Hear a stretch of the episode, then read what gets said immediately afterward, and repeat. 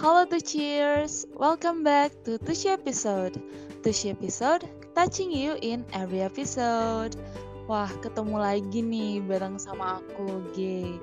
Ya, emang sih sebenarnya jarang banget sih aku dapat kesempatan buat ngobrol uh, bareng sama Tuchis di podcastnya Tushi gitu. Cuman di Shining episode kali ini aku bakalan nemenin Tuchis untuk sharing bareng nih sama salah satu teman kita yang merupakan BPD survivor. Nah mungkin biar nggak pada penasaran kali ya kita bisa nih langsung kenalan dulu sama teman kita yang mau sharing. Oke kita kenalan dulu yuk. Uh, halo Kanada. Halo Kak Gay. Ya, halo Kak.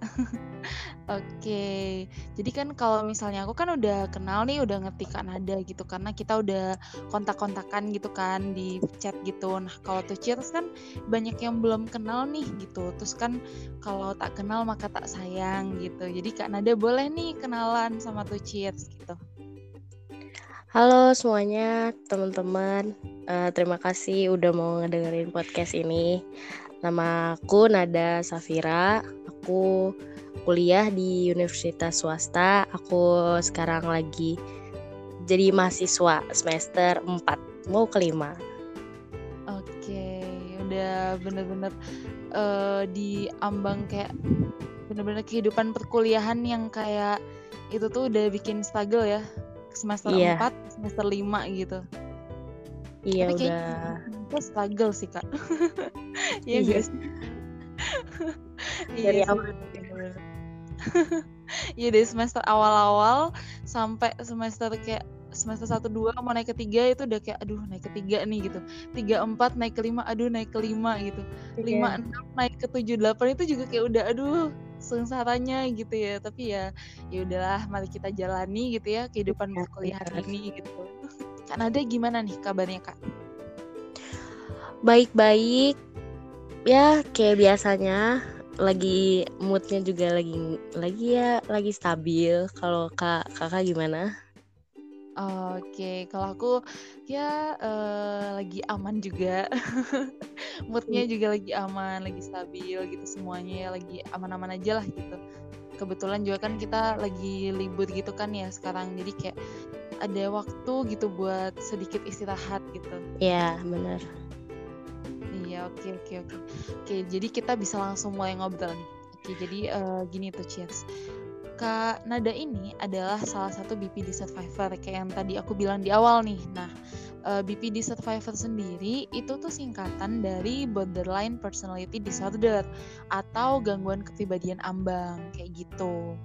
Nah, kalau boleh tahu nih Kak Nada, uh, Kak Nada ini didiagnos BPD itu sejak kapan Kak? Akhirnya Kak Nada tahu bahwa Kak Nada memiliki di BPD ini gitu?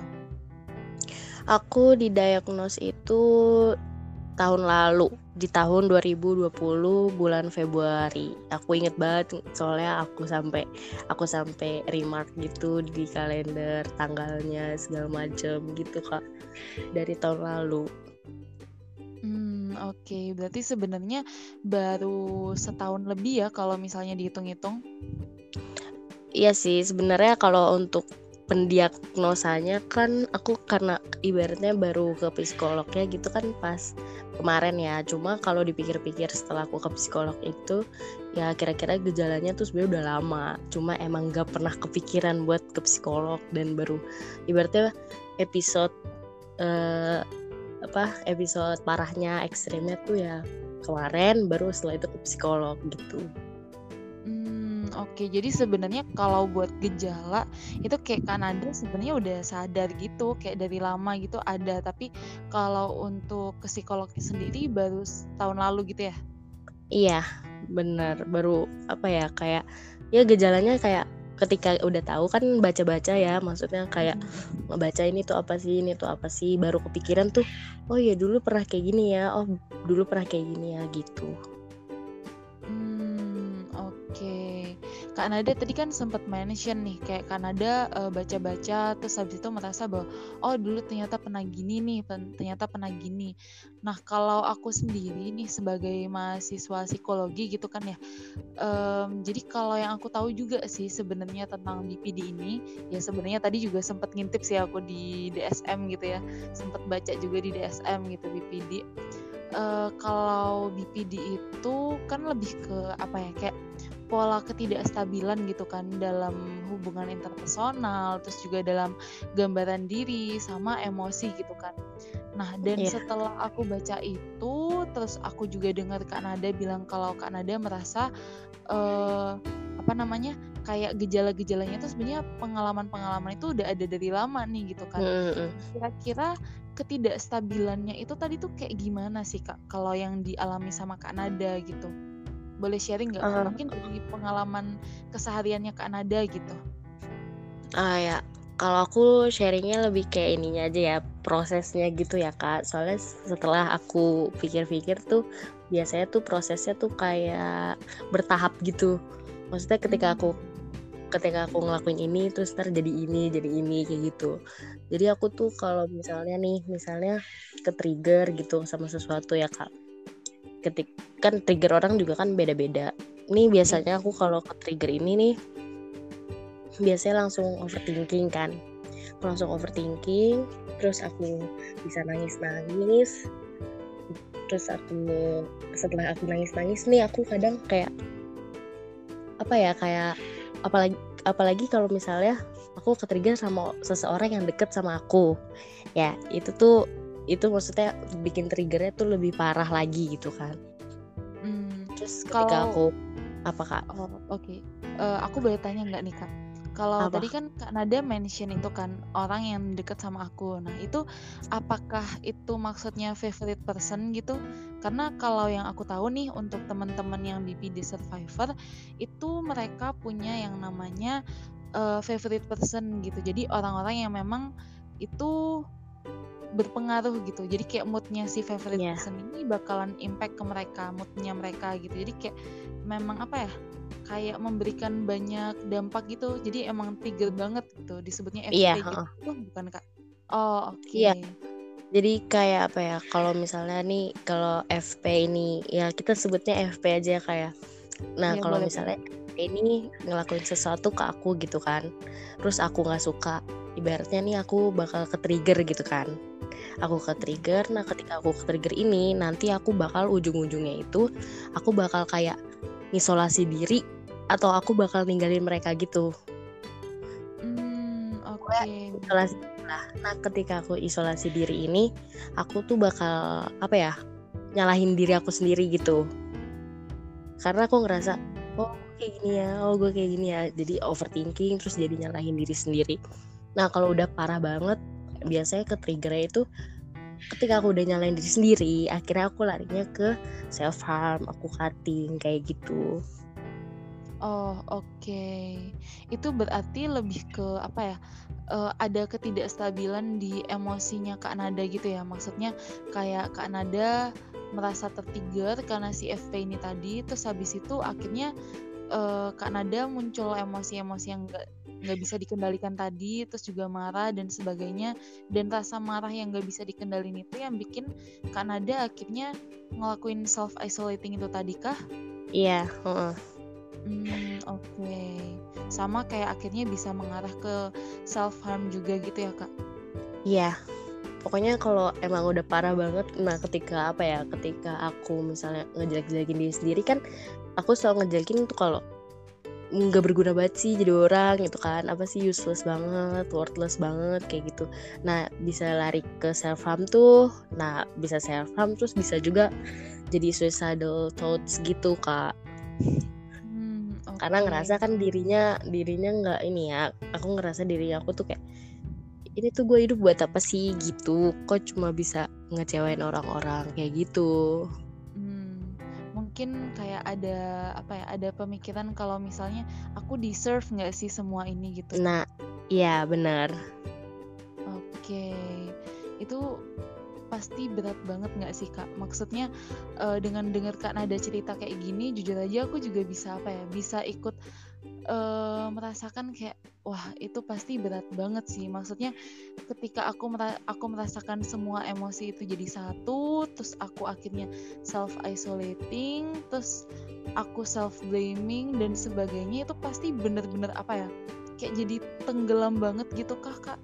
Iya kalau aku sih larinya kayak ke perasaan apa ya kayak ke perasaan lo e, jadi diri gue sendiri aja capek ya kayak gitu. Terus juga sempet kayak ada rasa-rasa takut buat berhubungan sama orang lain.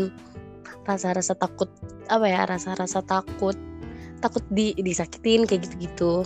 Hmm, okay. cuma cuma karena kembali karena emang aku orangnya mungkin uh, apa cepet attach sama seseorang lagi tapi kayak cepet attach nih terus ntar cepet cepet minta putus apa-apa gitu bener-bener gak stabil enggak gak stabil kayak gitu Oh oke. Okay. Tadi Kak Nada sempat mention nih kalau misalnya Kak Nada jadi kayak takut untuk berhubungan sama orang lain gitu. Nah biasanya ketakutannya itu kenapa sih Kak? biasanya sih aku ngerasa ya kalau aku ngerasa nih ini ibaratnya kita nggak ada apa-apa nih misalnya aman-aman aja gitu terus tiba-tiba tuh aku kepikiran eh dia masih sayang gak sih sama gue gitu. Masih sayang gak sih? Gitu. Terus akhirnya aku akhirnya nanya nih ke dia bosen nggak? Kayak gitu. Kan dia pasti apaan sih? Gitu kan. Orang nggak ada apa-apa ngapain sih? Gitu kan.